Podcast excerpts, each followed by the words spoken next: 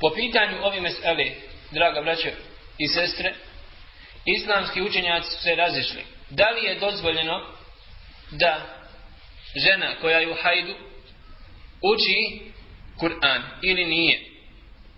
Zatim, po pitanju žene koja je u nifasu, isto tako. I još s treće strane, po pitanju čovjeka i žene koji su u džunubi. Većina islamskih učenjaka stoji na stanovištu da je apsolutno zabranjeno onome koji je nečist. Bilo zbog džnupluka kao muškarac ili žena bilo žena u hajdu bilo u nifasu nije dozvoljeno da uče Kur'an.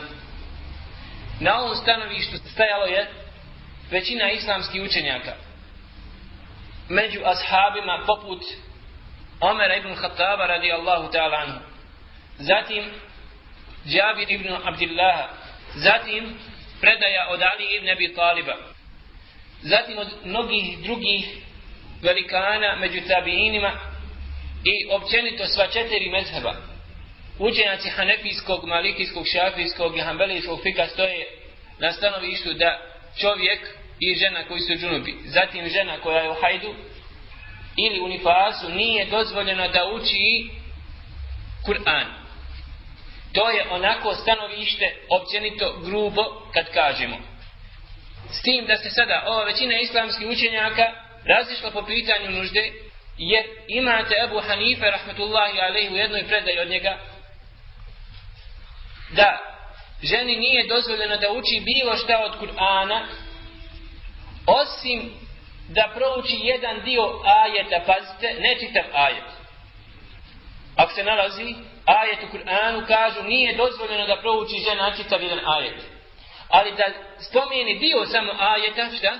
Kažu dozvoljeno je u ovakvoj jednoj situaciji. Zato što kažu da muadžiza, pazite, Kur'an je sav muadžiza. Muadžiza, Allah subhanahu wa ta'ala, Kur'an ne biva osim sa potpunim ajetom. Odu da oni kažu, ako bi samo primjer radi spomenula završetak ajeta ili dio ajeta, ne čitav ajet, dozvoljeno je njoj u hajdu ili nifasu da spomene ili čovjeku koji je džunub. Ali, čitav ajet i više od toga apsolutno nije dozvoljeno. Dok učenjaci šafijskog mezheba smatraju da je nužda kao recimo žena koja podučava Kur'an. Kao da recimo imate muallimu koja podučava djecu Kur'anu, hivzava ili žene i tome slično.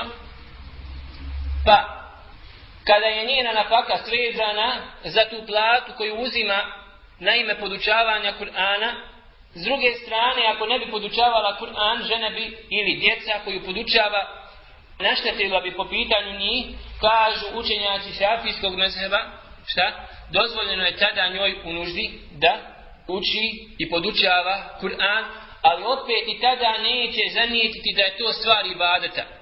Razumijete li? Neće ga učiti kao ibadet, nego će s ciljem podučavanja žena ili djece Kur'an.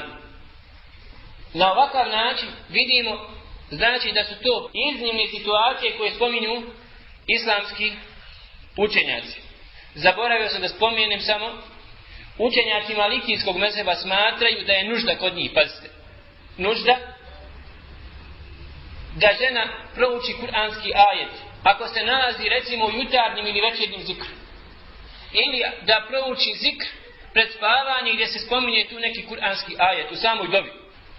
Ili da se boji da dođe na neko mjesto gdje se boji da bi mogla ujesti zmija. A primjer radi imate hadis Allahu poslanika sallallahu alaihi wa sallam da prouči određeni kuranski ajet ili su tome slično. Pa s te strane, znači ako prouči u dobi ili u zikru, u posebnom određenom slučaju, bez obzira što je u hajdu ili što je u nifasu, kada joj biva dozvoljeno da tada u takvoj jednoj situaciji šta? Prouči kuranski ajet.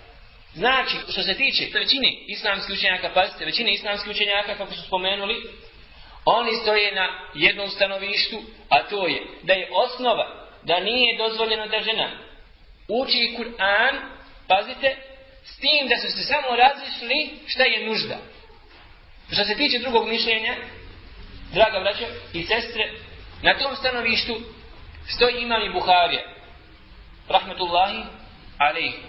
Zatim, učenjaci zahirijskog mezheba i još jedan dio, znači islamskih učenjaka, sam imam i Tirmidi smatra da je ovo prvo mišljenje stav većine islamskih učenjaka.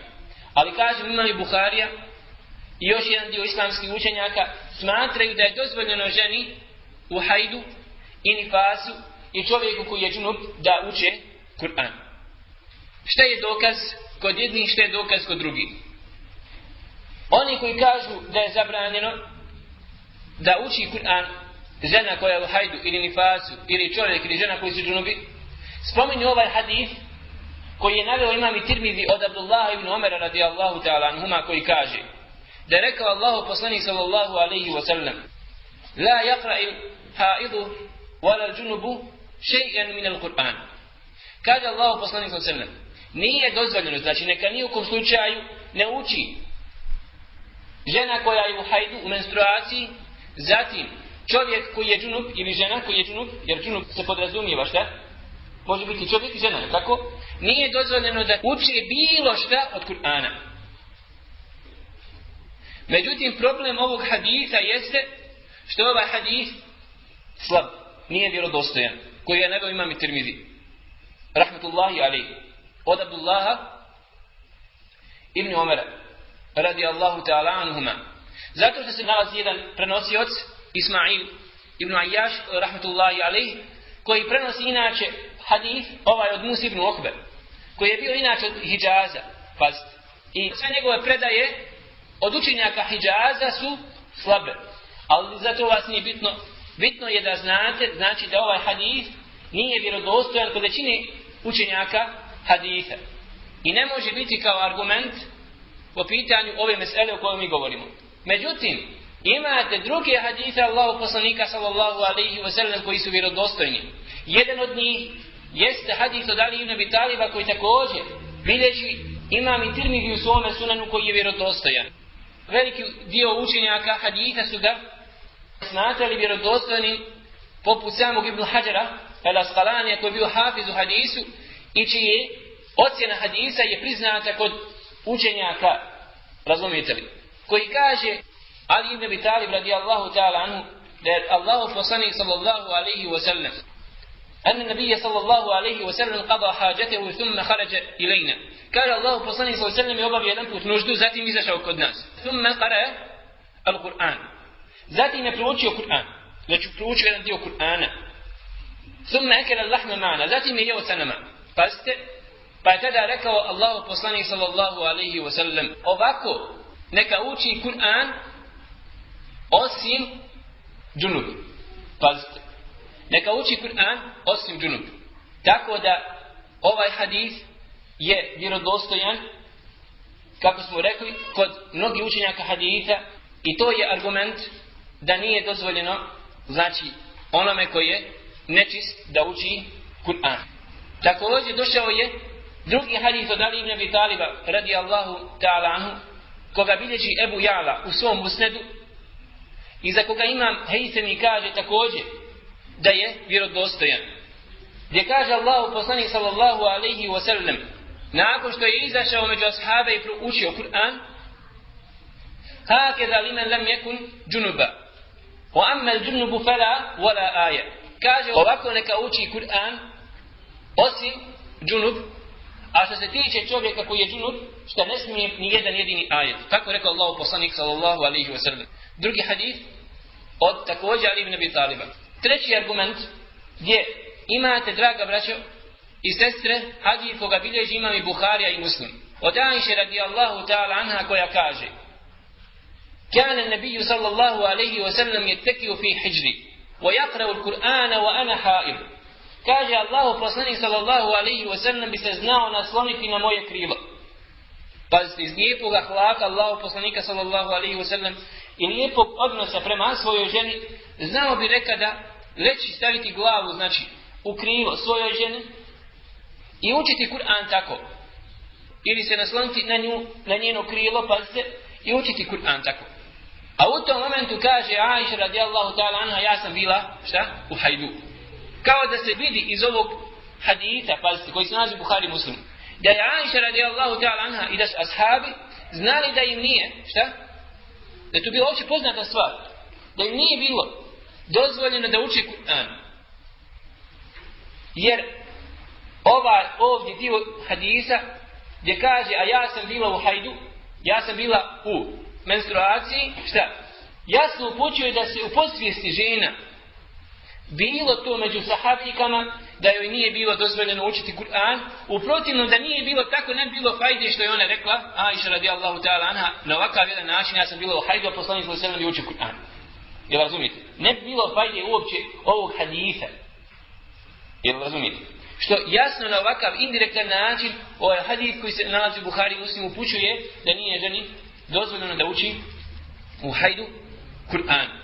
Imate također još jedan hadis od imami Nesaja koji bilježi u svome sunenu. Anna nabija sallallahu alaihi wa sallam eta haiqa qavmi. Da je došao Allah poslanik sallallahu alaihi wa sallam jedne prilike kod zida kod jednog plemena i tu je obavio malu nuždu. Pa je prošao čovjek i nazvao selam Allahu poslaniku sallallahu alaihi wa sallam. Pa nije Allah poslanik htio da mu odazove selam. Pa je došao, približio se onom zidu nakon što obavio nuždu. Šta? Pa gore bi je dehi o tajemmen. Pa je udario rukama po zidu koji je bio šta? Od kamena ili od čerpića od zemlje i uzeo je temom Allahu poslanik sallallahu alaihi wa sallam. Thumma radde selam alaihi. Zatim nakon toga je odgovorio, pazite selam, onom čovjeku. Znači prošlo sigurno neko vrijeme dok je obavio i završio Allah poslanik sallallahu alaihi wa sallam nuždu, zatim dok se, šta? uzeo te jemu, što jasno upućuje da čovjek ukoliko bi čuo nekoga da je nazvao mu selam dok je u WC-u, ili bude šta, čuo nekoga da je kivnuo, ili da bude čuo ezan, kako su spominjali, tako, dok je u WC-u, propisano mu je da spomeni i odgovori na selam, nakon izlaska iz WC-a, to je jedan od načina. Ili da ponovi sad ezan, šta, nakon što izađe iz WC-a, pa makar prošlo 5-10 minuta od momenta kako se čuo ezan. Jeste razumijeli? Ili da se nekome kini da kaže alhamdulillah kad izađeš recimo onda nakon toga jerhamu ke Allah pa makar prošlo 50 minuta. To je jedan način. Drugi način kako kažu islamski učenja te spomeneš u sebi sve to. Pa makar bio i na samoj vejce šoli ili obavljao nuždu u sebi. Ali naglas haram. Pa kada je Allah poslani sallahu sallam obavio na ovakav način nuždu, uzeo te jemom ono i odgovorio na selam, rekao Allah poslani sallahu sallam Inni kuntu ala gajri tahare, fa kerihtu nedkura Allahe alejha. Kaže, ja sam bio kaže Allah poslanik sa alejhi bez abdesta. Nisam imao abdest i nisam želio da govorim selam, da spominim zikr. Šta? Da spominim Allaha dželle šanu u takvom jednom stanju. Jer vi znate da je ime Allah dželle šta? Assalam, kad kao čovjek kaže, wa alaikum salam, assalam je Allah subhanahu wa ta'ala, ime to je zikr Allahu dželle šanu. Zikr Allahu subhanahu wa ta'ala koji je na manjem stepenu od učenja Kur'ana, a on sam je bio na većem stepenu od šta? Veći nečistoći, znači bilo je malo nečistoći, onda zamislite kako je onda tek zabranjeno da čovjek uči Kur'an dok je džunup ili žena dok je u hajdu ili nifasu. Ovo su ti pet dokaza koje spominju islamski učenjaci po pitanju toga da nije dozvoljeno učiti Kur'an za vrijeme velike nečistoće. A što se tiče onih koji smatraju da je dozvoljeno učiti Kur'an za vrijeme velike nečistoće, poput imame Buhari, kao što smo rekli, oni kažu, mi imamo osnovu, a osnova je da je dozvoljeno šta? Učiti svakome Kur'an. Dok ne dođi dokaz. A kažu, nema dokaza. Nema dokaza, jer oni smatraju šta? Da nije dan od ovih hadita, šta? Nije vjerodostojan koji upućuju jasno na to da je zabranjeno učiti Kur'an, a ovi hadisi koji na indirektan način upućuju, kao što spomenuli hadith od Aisha, koji se nalazi u Buhari muslimu, Zatim hadith od imam i Nesai u njegovom sunanu. Na indirektan način koji pućuju, oni ne vide da ti hadithi pućuju na to. Zatim spominju također hadith od Aisha radijallahu ta'ala anha koja kaže Kane Rasulullah sallallahu alaihi wa sallam jadkuru Allahe ala kulli ahjani. Znao bi Allah poslani sallallahu alaihi wa sallam spominjati Allaha za Allah še'nu učiniti mu zikr u svakoj situaciji. To podrazumijeva čak i kada je džunub. Čak i kada je džunub, To znači u svakoj situaciji, pa čak i tada. Međutim, treba obratiti pažnju da je ovdje došao izraz u hadisu od Aniše radijallahu ta'ala anha u arapskom jeziku ahjani što podrazumijeva situacije, a ne stanja, nego situacije u kojima se čovjek nađe. Kao određene situacije, poput jutarnjih i večernjih zikra. Kad god bi se našao u situaciji da treba ući u WC, proučio bi dovu i zikr koju treba proučiti prije ulaska u WC. Ili kada bi izašao, proučio bi dovu koja treba proučiti. Šta nakon? Izlaska. Znači da bi Allah poslanio za sedem tamo u onim situacijama gdje se zahtijeva učenje određenu zikra, on bi učio. A ne podrazumijeva da bi Allah poslanio za sedem on kao on u svakoj svojoj situaciji, ma kakav bio, da li bio džunu, da li ne bio, šta? Spominjao Allah subhanahu wa ta'ala na osnovu ovog izraza. U svakom slučaju, da se podrazumijeva to, mi imamo hadith da Allah poslanika sallam koji su veliki učenjaci smatrali vjerodostojnim i samo razumijevanje ashaba Allahu poslanika sallallahu alaihi wa sallam poput Ajše, poput Omer Muhattaba, poput Ali ibn Taliba upućuje na to da je to bila prisutna svijest kod ashaba da čovjek koji je džunob niti ženi koja je u nifasu niti u hajdu nije dozvoljeno da uči Kur'an.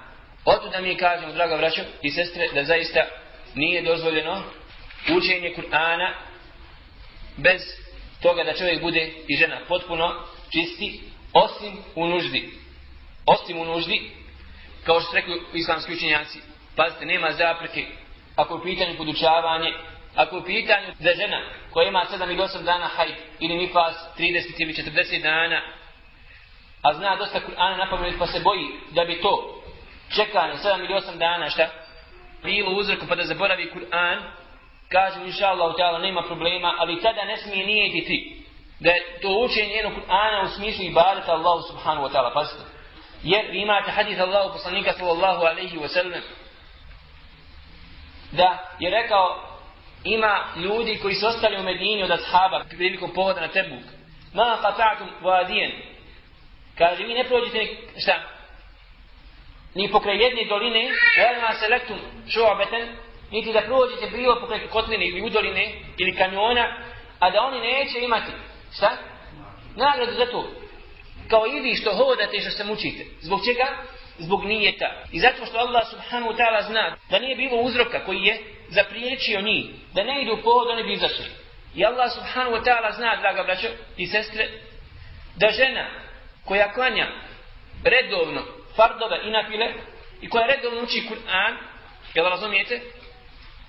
Zna Allah subhanahu wa ta'ala da nije njegove zabrane da bi ona i dalje učila Kur'an u vrijeme hajde, u vrijeme nifasa. I zato će imati nagradu kao da uči Kur'an. Hoću da kažu islamski učenjaci, draga braća i sestre, čovjek kad ode na putovanje, koji običaju klanjati na file, je tako? Ne treba klanjati na file na putovanju, imaće nagradu kao da je i klanjao na file na samom putovanju, jer Allah subhanahu wa ta'ala zna da je on uvijek običajio klanjati kada je bio mukim, kada je bio kod kuće, običajio je klanjati na file i dobit će nagradu za to kao da je klanjao. Isto tako kad islamski učenjac u pitanju bolesnika, ukoliko ga bolest spriječi da ne može klanjati određene na file, ima nagradu isto kao da ih klanja, jer Allah subhanahu wa ta'ala zna da nije bolestan, da nema tog opravdanja, da nema te zapreke, da nema tog uzora, on bi klanjao na file kao kada je bio zdrav. I zato Allah subhanahu wa ta'ala zbog nijeta, i zbog trajnog dijela koje čovjek radi u vrijeme zdravlja, u vrijeme žena kada nema menstruacije, Allah subhanahu wa ta'ala upiše joj kao da to i radi. Zato kažemo, draga braći i sve, apsolutno nije dozvoljeno ženi da uči Kur'an kada je u menstruaciji niti u nifasu. Osim radi nužde. A što se tiče ove nužde, Kažu islamski učenjaci, ova se nužda ne može prenijeti po pitanju čovjeka i žene koji su džunubi. Jer nifas i hajd, menstruacija, nije u rukama žene da se može očistiti kad ona hoće. Je tako? Ali po pitanju džunuba, čovjeka i žene, ona i on imaju u svojim rukama mogućnost, šta? Da se očiste i da taj džunabe traji možda pola sata ili sat vremena ili dva sata, je tako? Ako nema mogućnosti, ako ima zapreke zbog vode ili nečega sličnog, ima opravdanje, Allah subhanahu wa ta'ala dao ti izlaz sa tejemom, tako da opet na takav način ne može to biti ta olakšica da kažemo da vrijedi za džunuba. Ko ima mogućnost da se očisti bilo čovjek ili žena. Zato kažemo ta nužda procjenjuje se shodno samo njoj koliko je ona velika i koliko je potrebna žena treba da se boji Allah ili u takvoj jednoj situaciji. Sada uz ovo samo da spomenemo da ne pobrkate meselu. Imate meselu učenja Kur'ana. Ovo se podrazumijeva učenje Kur'ana na pamet. Jel razumijete? Na pamet učenje Kur'ana. Po pitanju čovjeka ili žene koji su veliko neštoće. Što se tiče učenja Kur'ana na pamet, čovjeka ili žene koji nemaju abdesta samo, ali koji su čisti od velike nečistoće. Ispravno mišljenje je da je dozvoljeno čovjeku učiti bez abdesta na pamet. I čovjeku i ženi Kur'an. Jer imate hadis koga bilježi imam Bukhari i Muslim. Kada Allah poslanik sallallahu alaihi wa sallam se probudio u zajednoj trećini noći. Hadis od Ibn Abbas radijallahu ta'ala anhuma kada je došao kod svoje redke Mimuni radijallahu ta'ala anha. Pa je ustao Allah poslanik sallallahu alaihi wa sallam i zasna. Pazite, jasno ima redoslid događaja. Pa je pogledao Allah poslani sallallahu alaihi wa sallam u nebo i vidio je zvijezde. Tada je proučio zadnji ajet iz sure Ali Imran. Inna fi halki samavati wal ardi waqti la fi lejli wal nahari la ajati li ulil albab. Kada je završio, rekao Allah poslani sallallahu alaihi wa sallam Vojnu limen karahunne wa lam jetta'i bihinne. Teško onome koji bude proučio, a ne bude uzeo pouku iz njih. Zbog veličine ovih ajeta. Pa je nakon toga Allah poslanik prišao u mješini s vodom i uzeo abdest. Tako da učenje nekoliko ajeta posljednjih ajeta iz sure Al Imran i zasna. Pa tek nakon toga uzimanja abdesta jasno pući da Allah poslanik sam se učio Kur'an bez abdesta. Ovo je druga mesela. Ali dodirivanje mushafa bez abdesta, bez abdesta, bilo čovjeku ili ženi, nije, draga braćo, dozvoljeno. Sad, ako neko nema abdesta, znači čisti od velike nečistoći, nije potrebno se okupa, ali da mushaf bez abdesta, nije dozvoljeno. Nije dozvoljeno uzeti mushaf bez abdesta, je to druga mesela, inša Allah, koja će također doći ako Bog da, ali želim da vam samo sada napravim, znači, razliku, da ne pobrikate mesele, jer veoma često ljudi pobrikaju meselu, dodirivanje mushafa bez abdesta, učenje Kur'ana bez abdesta i učenje Kur'ana ženi koja je u hajdu nifasu ili čovjeku ili ženi koji su džunubi. Sljedeći hadis, draga braćo i sestre koje je spomenuo imam i tirmidhi, rahmetullahi alaih, jeste babu ma džaje fi mu bašezil haid. Poglavlje koje govori o tome da je dozvoljeno ili koji govori o propisu nasađivanja sa ženom koja je u hajdu. Ko je pitao, ha? Ne sjeća, smo rekli da će doći. Ha? Znači, na ovom mjestu, u ovom poglavlju, spomenut ću vam hadith Allahu poslanika sallallahu alaihi wa sallam, kao da želi to imam tirmidi da kaže. Na ovom mjestu spomenut ću ti hadith Allahu poslanika sallallahu alaihi wa sallam, iz koga ćeš ti vidjeti. Da li je dozvoljeno da se čovjek naslađuje sa svojom ženom u vremenu hajda ili nije. I ako jeste, ima li tu kakve ograničenja ili nema. Draga braćo i sestre, židovi, lanetullahi alejhim, imali su ubjeđenje da žena koja je u hajdu, u menstruaciji, da nije dozvoljeno čovjeku sa njom sjediti i jesti ili piti. Pazite, smatrali su je apsolutno nečisti. Zato je došao šerijat. Allah subhanahu wa ta'ala ovom ummetu čija obilježe da je to ummet olakšice. I Allah subhanahu wa ta'ala je opisao Muhammeda sallallahu alaihi wa sallam i jabao anhum israhum wal aglala allati kanat alaihim. Da je um, Muhammed sallallahu alaihi wa sallam poslanik koji je došao da uzdigne one teške propise koji su imali prijašnji narodi. I ovaj šerijat jeste šerijat olakšice i šerijat sredine. Zato je došao, kažem Allahu poslanik sallallahu alaihi wa sallam, da pojasni to na čemu su bili židovi. da nije propis od Allaha subhanahu wa ta'ala, pa bi Allahu poslanik sallallahu alaihi wa sallam kako se navodi u hadithu koga bilježi imam Bukharija i Muslim. Pogledajte, znao za vrijeme hajda sa Aishom sjediti, jesti i piti. Pa kada bi ona mu primijela da on popije iz posude vodu, on bi vratio da ona prvo popije u hajdu dok je bilo menstruaciji, pogledajte, pa kada bi popila vodu, gledao je Allah poslanik sallallahu alaihi wa sallam sa koje mjesta je ona stavila svoje usne, iz kojeg je pila, pa bi tada okrenuo posudu i tražio da popije i da stavi svoje usne sa onog mjesta s kojeg je ona pila. Iz lijepog ponašanja, lijepog ahlaka prema ženi, s druge strane, da pokaže Allahu poslanik sallallahu alaihi wa sallam da to što je Allah žalva še'nu zabranio određene ibadete ženi dok je u hajdu. Jel razumijete? Ne znači apsolutno ni u slučaju da je ona nečist. Nego stvar zabrani učenja Kur'ana, zabrani ulaska u mezđid ženi ili tavafa oko kjabe i određeni ibadeta koji su došli, razumijete li, je stvar obožavanja Allah subhanahu wa ta'ala. Jel razumijete? I s te strane želi Allah poslanik sallallahu alaihi wa sallam da pokaže to da pokaže to onaj svojim ženama i da pojasni ashabima svojim kako bi znali Allahu subhanahu wa ta'ala propis. Zato je došao hadis od Anši radijallahu ta'ala anha koga znači u ovom poglavlju od imami Tirmidija, rahmetullahi alaih, da je Anša radijallahu ta'ala anha rekla, kane Rasulullahi sallallahu alaihi wa sallam, ya'muruni يأمرني وأنا حائض أن أتزر ثم يباشرني قال إذنه يا الله sallallahu الله wa sallam, što بوشي znači u vremenskom periodu nije samo jedan put nego znalo bi se tako dešavati da mi Allah poslanik sallallahu alaihi wa sallam naredi da se ja podvežem pazite, da se podvežem dok sam bila u hajdu i onda bi se jedno sa drugim naslađivali.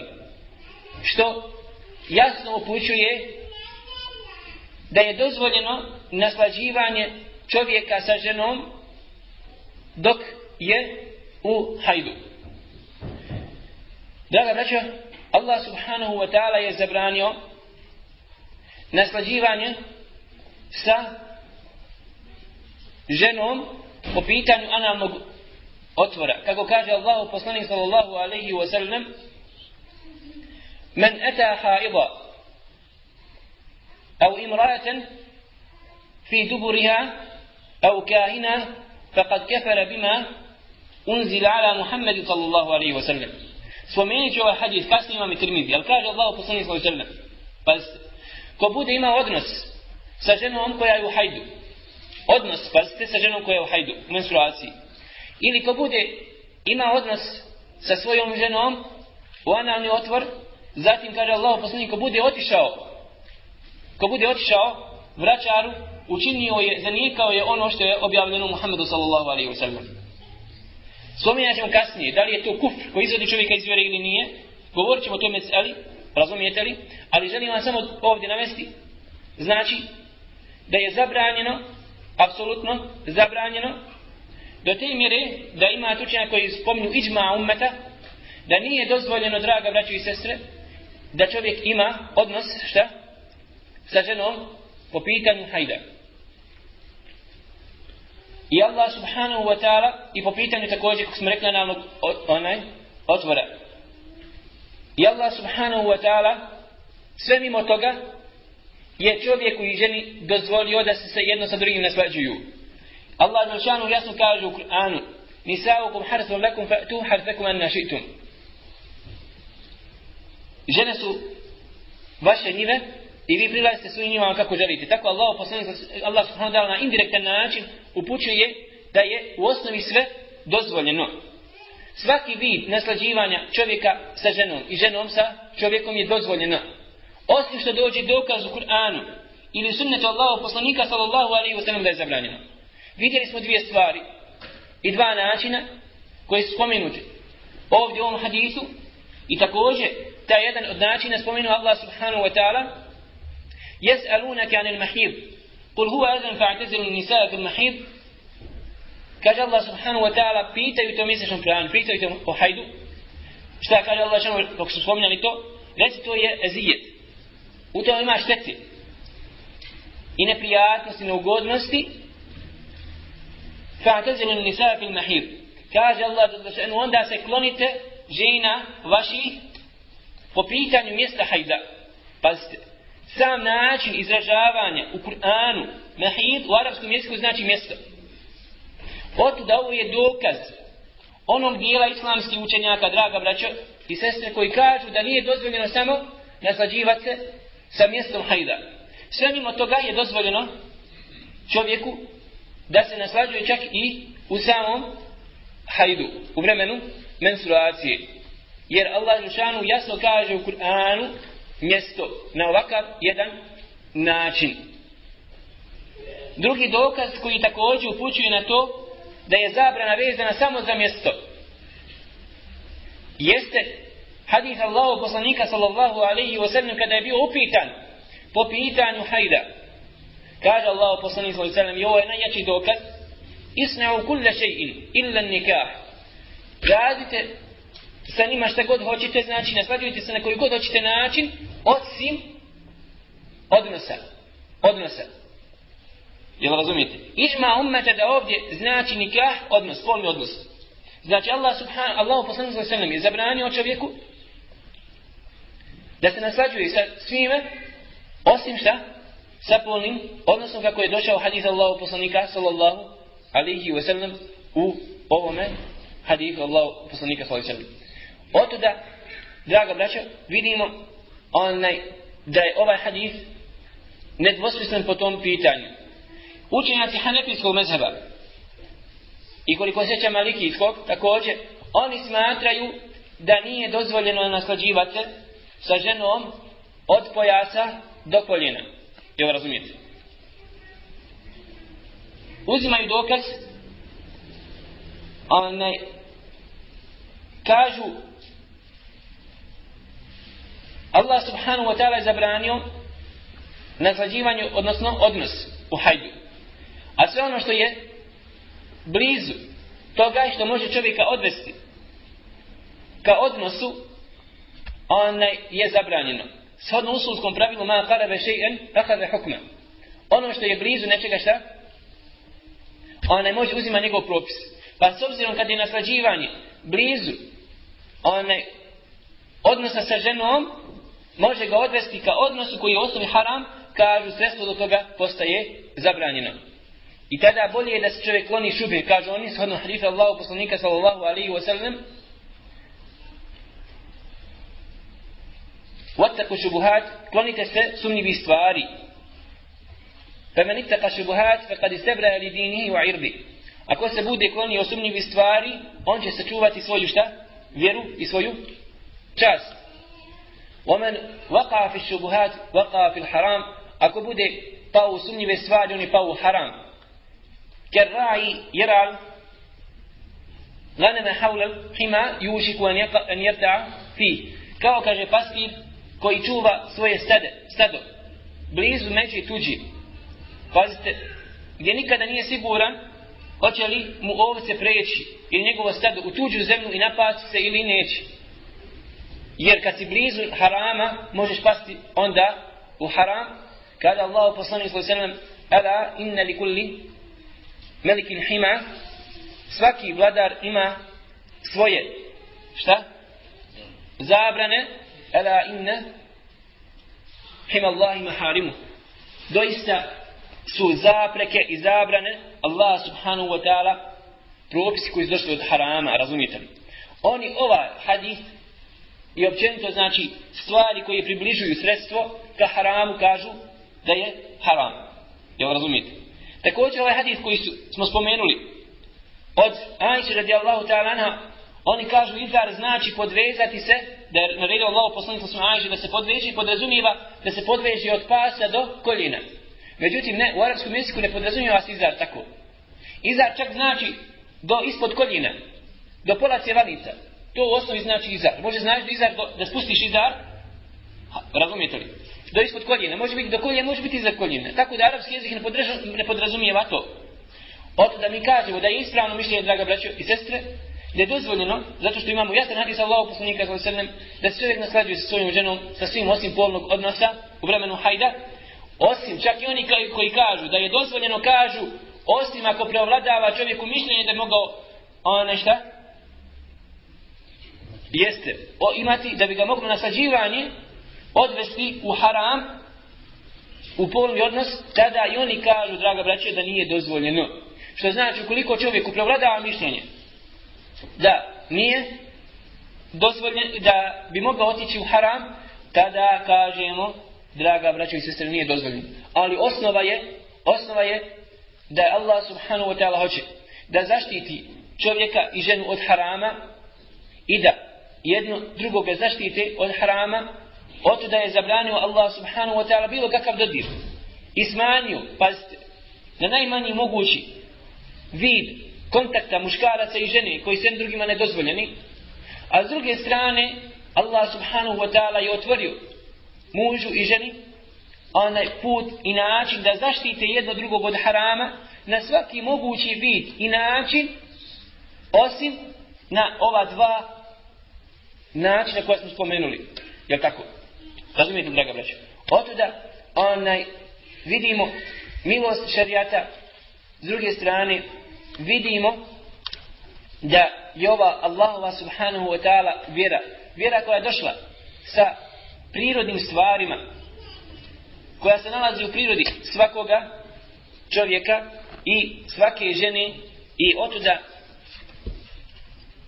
vidimo mudrost šerijata do te mjeri, draga braćo i sestre, pazite, da imate i učenjan se govori ukoliko bi se čovjek našao u situaciji pazite, ukoliko bi se čovjek našao u situaciji da bi će otići u blud, da će počiniti blud zbog toga što mu žena ima hajt sedam ili osam dana razumijete li? Pa ako se nađe u takvoj situaciji da je siguran ili prevladava mišljenje da će pasti u haram u blud kažu islamski učenjaci tada će imati odnos čak i u hajdu pazite ali se različi islamski učenjaci po pitanju kefareta i po pitanju onaj teobe i tako dalje ali da se čuje tako u tako u jednoj situaciji šta bira se manje zlo, jer ljudi i žene se razlikuju po pitanju strasti, razumijete li, od osobe do osobe, tako da je Islam našao izlaz za svaku situaciju. Spominju Islam slučaj komentaru ovog haditha, inače, i napominju obavezu inače žene, da se odazove čovjeku u postelji baš zbog tih stvari, jer Allahu poslanik sallallahu alaihi wa sallam kaže,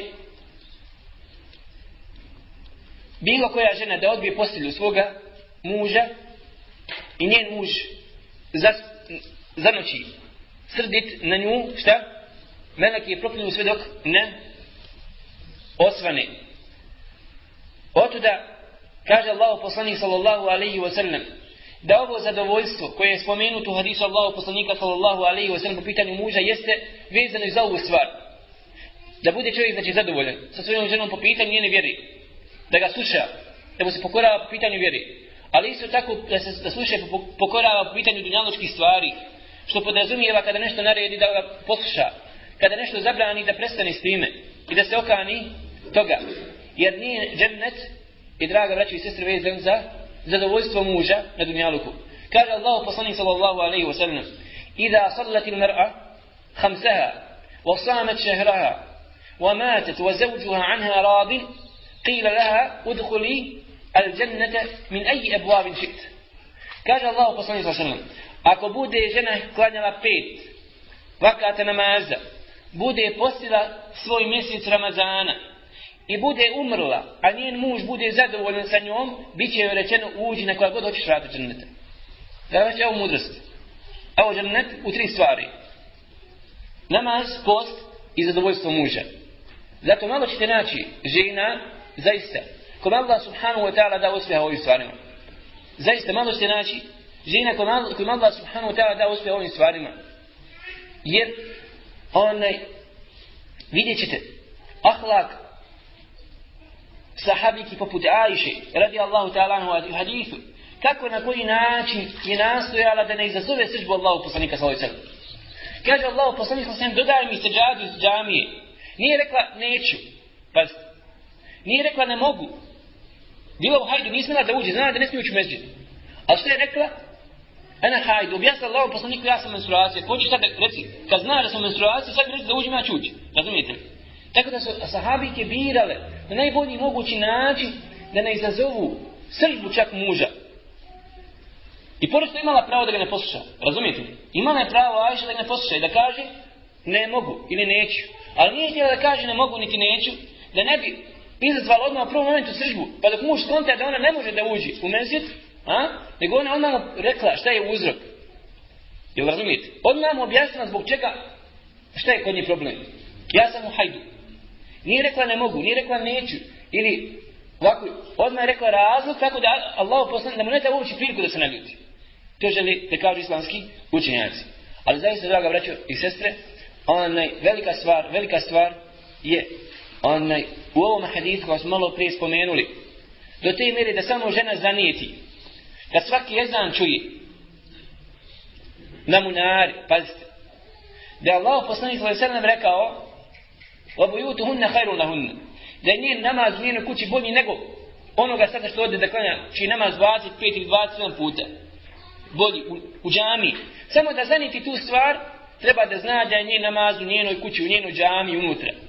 U njenoj sobi vredni od tvog namaza ovdje 25 ili 27 puta, samo da to zanijeti, pazite, dovoljno bi bilo, dovoljno bi bilo da skonta mnoge, mnoge stvari i da shvati šta joj je raditi. Ovo Allah poslani sa sredem obraća se ženama, sahabikama koji su u Medini, gdje namaz u njegovom mezidu, u njegovom mezidu, gdje imaju priliku da klanju njegovom mezidu, gdje je namaz obavljen bolji od stotinu, od hiljadu namaza. Pazite, od hiljadu namaza.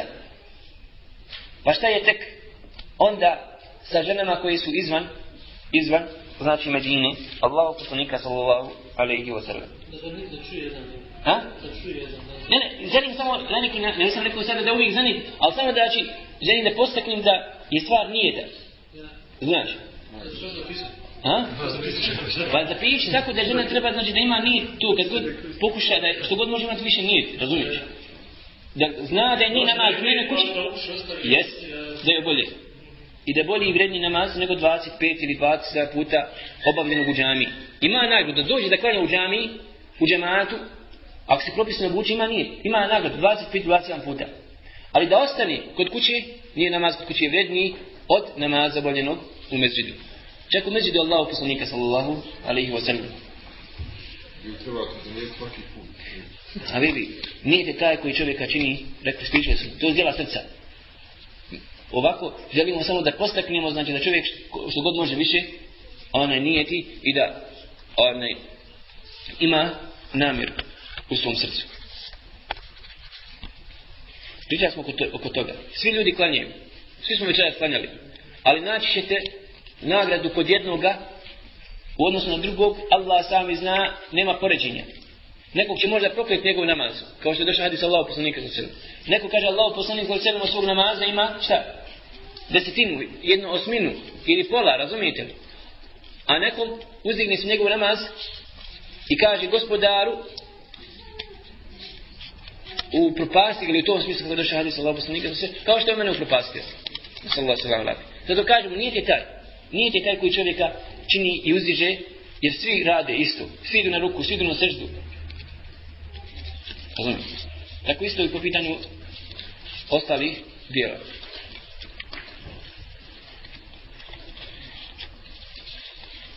Koliko sad? 25 do 10. Uglavnom, inša Allah, ta'ala, zadarat ćemo se na ova dva hadisa. Sljedeći put, ako Bog da, odmah ćemo pročitati, znači, ova dva hadisa sa prevodom i nastaviti sa komentarom, znači, dalje. Sada, ako nekom nešto nije jasno, ali ovdje sestri imaju prednost. Došli prvo.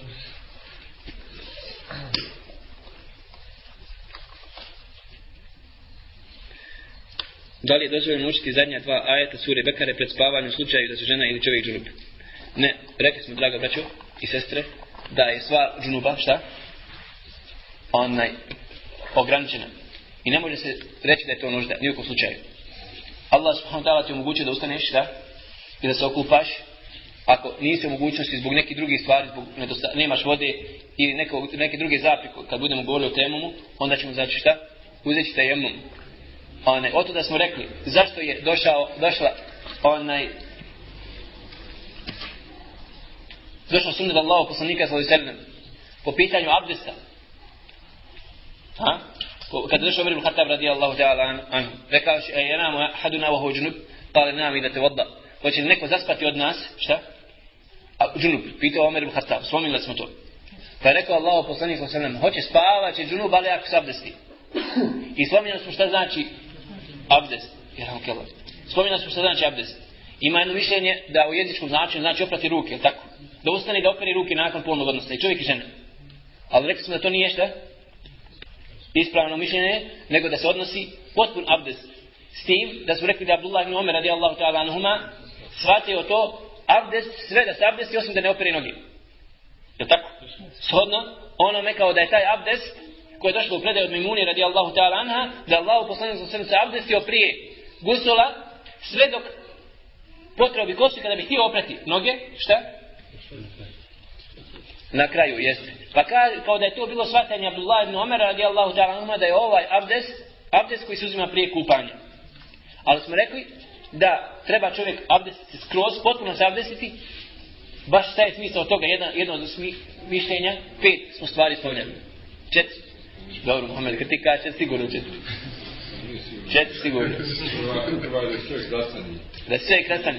I onda mi ona, lakše ide, ide uzme. Znači kao da je to baš hoće Allah, Allah poslanik sa svem stepenca, da kad ustane čovjek onako lijen ili pospan, pa kad se abdesti, kad se razladi, onda već kad je dotakio vodu, a, može lakše da se abdesti, da se okupa.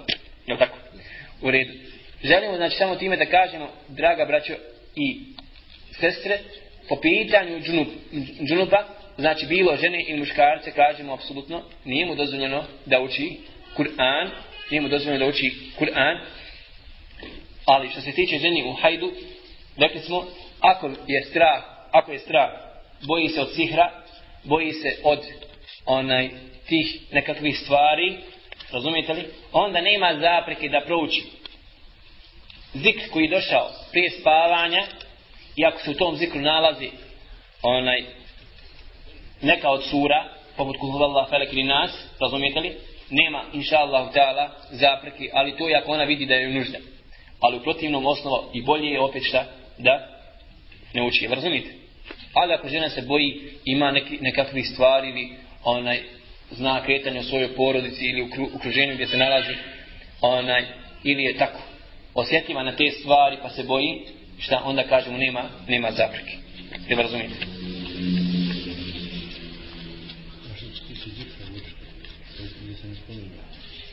Gdje se ne spominje? Ni zikr Habibi, zato vidio si Allah poslanik sa sallam je prezirao da spominje Allah subhanahu wa ta'ala, šta?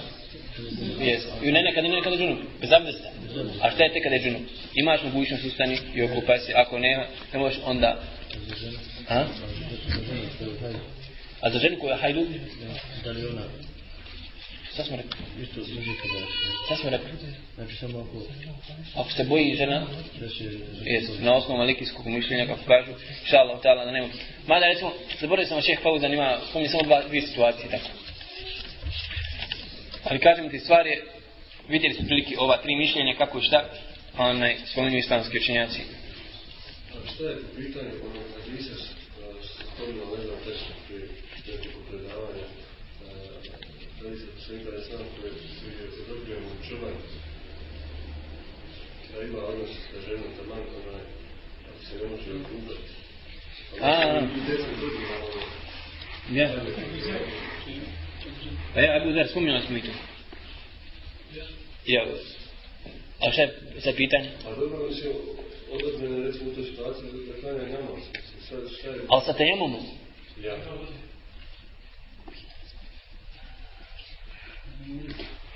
To što ti govoriš, Ebu Zer je znao izaći sa svojom ženom izvan Medine, čuvati ovce, razumiješ, moje, moje stado. I kad bi nekad izašao sa svojom ženom, desilo se tako da ima odnos, a nema vode. Pa je došao Allah poslanik se da pita. Pa se Allah poslanik nasmijao, razumiješ. I tada je rekao Allah poslanik sallallahu alaihi wa sallam da će uzeti šta? Tejemum pa makar 10 godina. Znači da da da A vidi, kad čovjek uzme, doći pogledaj tejemum, kad čovjek uzme tejemum, to je kao da se okupao. Sve dok ne dođe voda. Tejemum se uzima samo malo. Tejemum se uzima onda kada čovjek nema vode. Razumiješ? Ili se je bolestan, boji se da prevladava više da će ga kupanje, šta? Razboliti još više ili će ga uništiti tako, razumiješ? Tada, kad se čovjek, kad uzme čovjek tejemum, nema vode, nema u ratno stanje kao što je bilo, nema vode, nigdje, ili 10 km u Sarajevo, neš naći vode za piti jedva, razumiješ, primjer. Tada, kontaš, će čovjek uzimati tejemum i tada dozvoljeno da klanja. On je čist, apsolutno. Ko da se okupao? Tejemum je umjesto kupanja. Jesi razumio?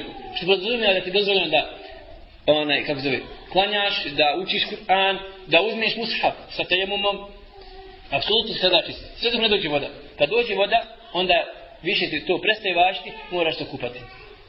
Jesi razumio? Ali će inša Allah htjela doći poglavlje koji govori o tejemumu. Jesi sigurno? Ne onda nešto ne bude jasno jer... Samo malo. Mohamed. Ovo je pitanje, znači, sestri, da li čovjek može da odgovori na poziv drugog čovjeka ako se nalazi u WC-u, ali ne obavlja nuždu? Draga, braći i sestre, one, islamski učenjaci su pokudili pričanje iz WC-a, pa makar čovjek ne obavlja nuždu. Makar čovjek ne obavlja nuždu do te mjere, onaj, da imate govor od mudrih ovako ljudi, onaj koji spomini šeh Šankiti kaže, mada kada ne znam koliko je to tačno i koliko, ona ispravno, ali kažu neće čovjek razgovarati iz WCA, a da neće mu onaj, izgubiti pamet pomalo. U smislu da će postati glupi u tom smislu. Slična predaja je došla po pitanju isto dodirivanja polnog organa desnom rukom, razumite? U svakom slučaju to nije od ahlaka i nije od šta? Onaj od obilježja muslimana da priča iz veca. To je to upućuje na manjkavost njegove pameti. Razumite, ne doliči muslimanu da priča iz veca. Ako je neka nužda ili nešto slično, to je nešto drugo, znači. Ali propis vezan, bilo da čovjek obavlja nuždu, dok u momentu obavlja nužde, je bilo da općenito priča iz veca, možda dok se abdesti možda na lavabovu koji se nalazi pokraj svete šolje.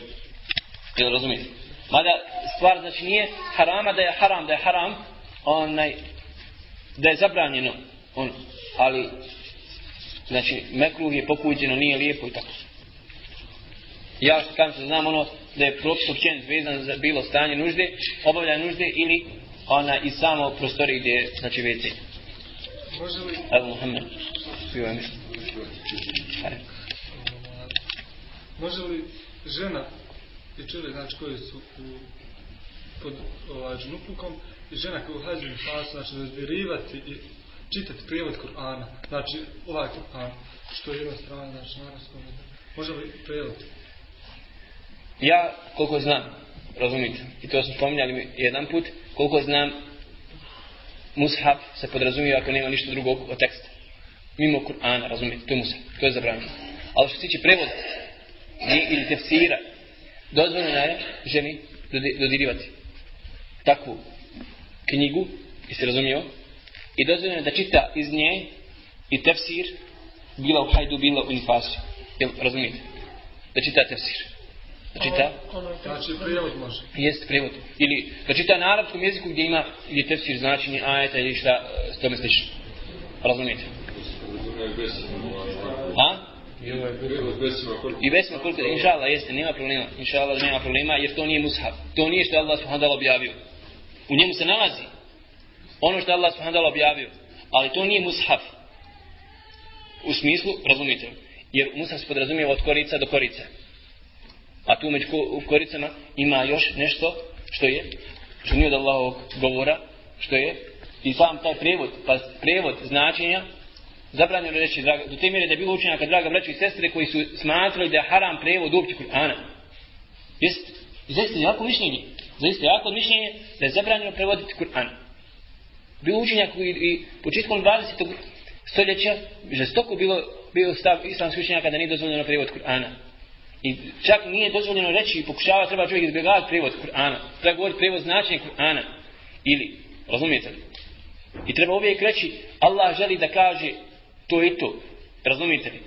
Podrazumijeva se i to i to. Tako vidite, Ibn Ketir, rahmetullahi alaih, kad u, u inač mu fesir, veliki komentator Kur'ana, kad dođe da komentariš Kur'anski ajet, kaže, želi Allah reći to i to.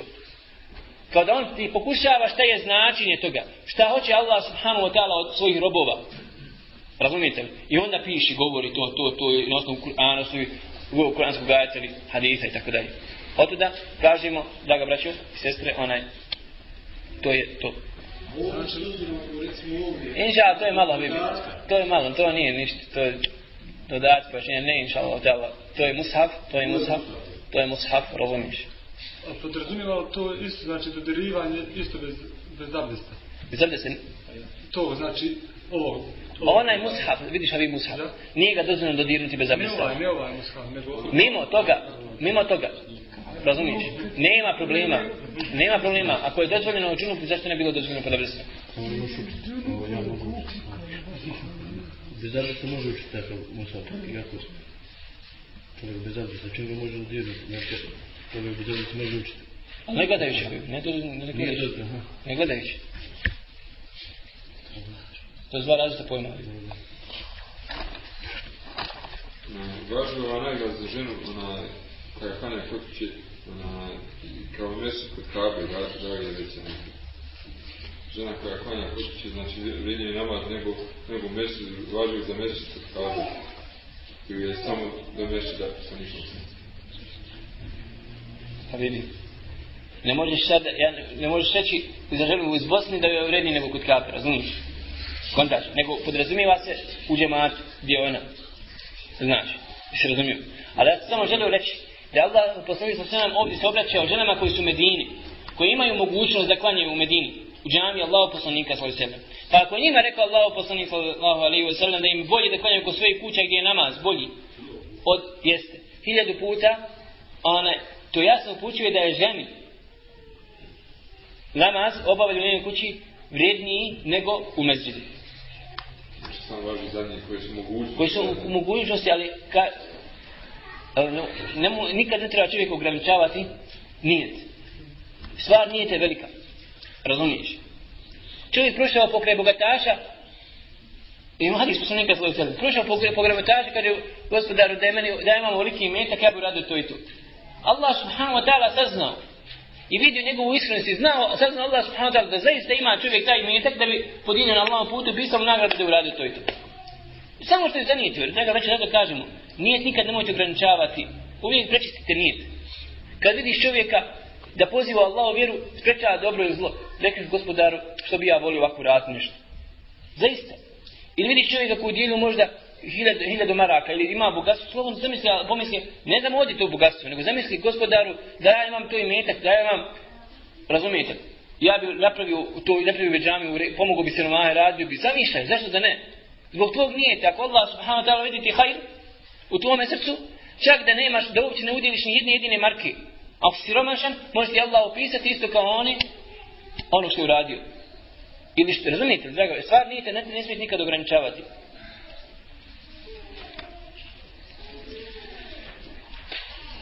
to to. Ima ovdje, spomenuo se ovaj hadis, ovaj, od Aiše, znao da Allah poslani sa sve da naredi, i se podveže pa bi se poslije naslađivao. Otkuda je ovaj? Hadis, ovaj što spomenuli, hadis je u, onaj, u Tirmidhi ovdje. Ali ima u osnovi Buhari muslim, od Aiše radi Allah ta'ala, jest. A ima, ima hadis ovaj isti u Buhari muslimu. Samo da što je došla druga predaja, kjane Rasulullah sallallahu alaihi sallam huru ihdana. Allah poslanik sallallahu sallam bi nekad naredio nekoj od nas, pazite nekoj od nas. Nije rekla u jednoj drugoj predaji koja, o kojoj se to ženi radi. Nije rekla Aisha radi Allahu ta'ala anha. O kojoj se ženi to radi. Hadis koji je došao u u Buhari. A ovdje ova predaja je došla, šta? Tirmizi. I kaže, naredio je meni. Pa i u Baširu, no, pazi, glagol u Bašire, Bašir i u Baširu pod, je, ne mogu ti objašnjati, jedna vrsta glagola u arapskom jeziku što podrazumijeva da mora biti između dvoga. Imate glagole. Katele, primjer radi. Katele ubiti. A katele voti borbu. Mora biti dvije strane. Nikad ne možeš voditi, znači sam, protiv koja će se boriti. Tako isto ovaj glagol fa'ala i fa'il u arapskom jeziku, ona je treća vrsta glagola koja se tu kaže ovdje kod nas, znaš, u gramatici, podrazumijela da mora biti dvije strane. Što znači da nema sumnje da je jedno i drugo se naslađivalo. Ali ovdje ona kaže naslađivao bi se sa mnom. Ali glagol upući na to da je jedno i drugo se naslađivali se. Razumiješ? Da, slažem nagradi. Samo.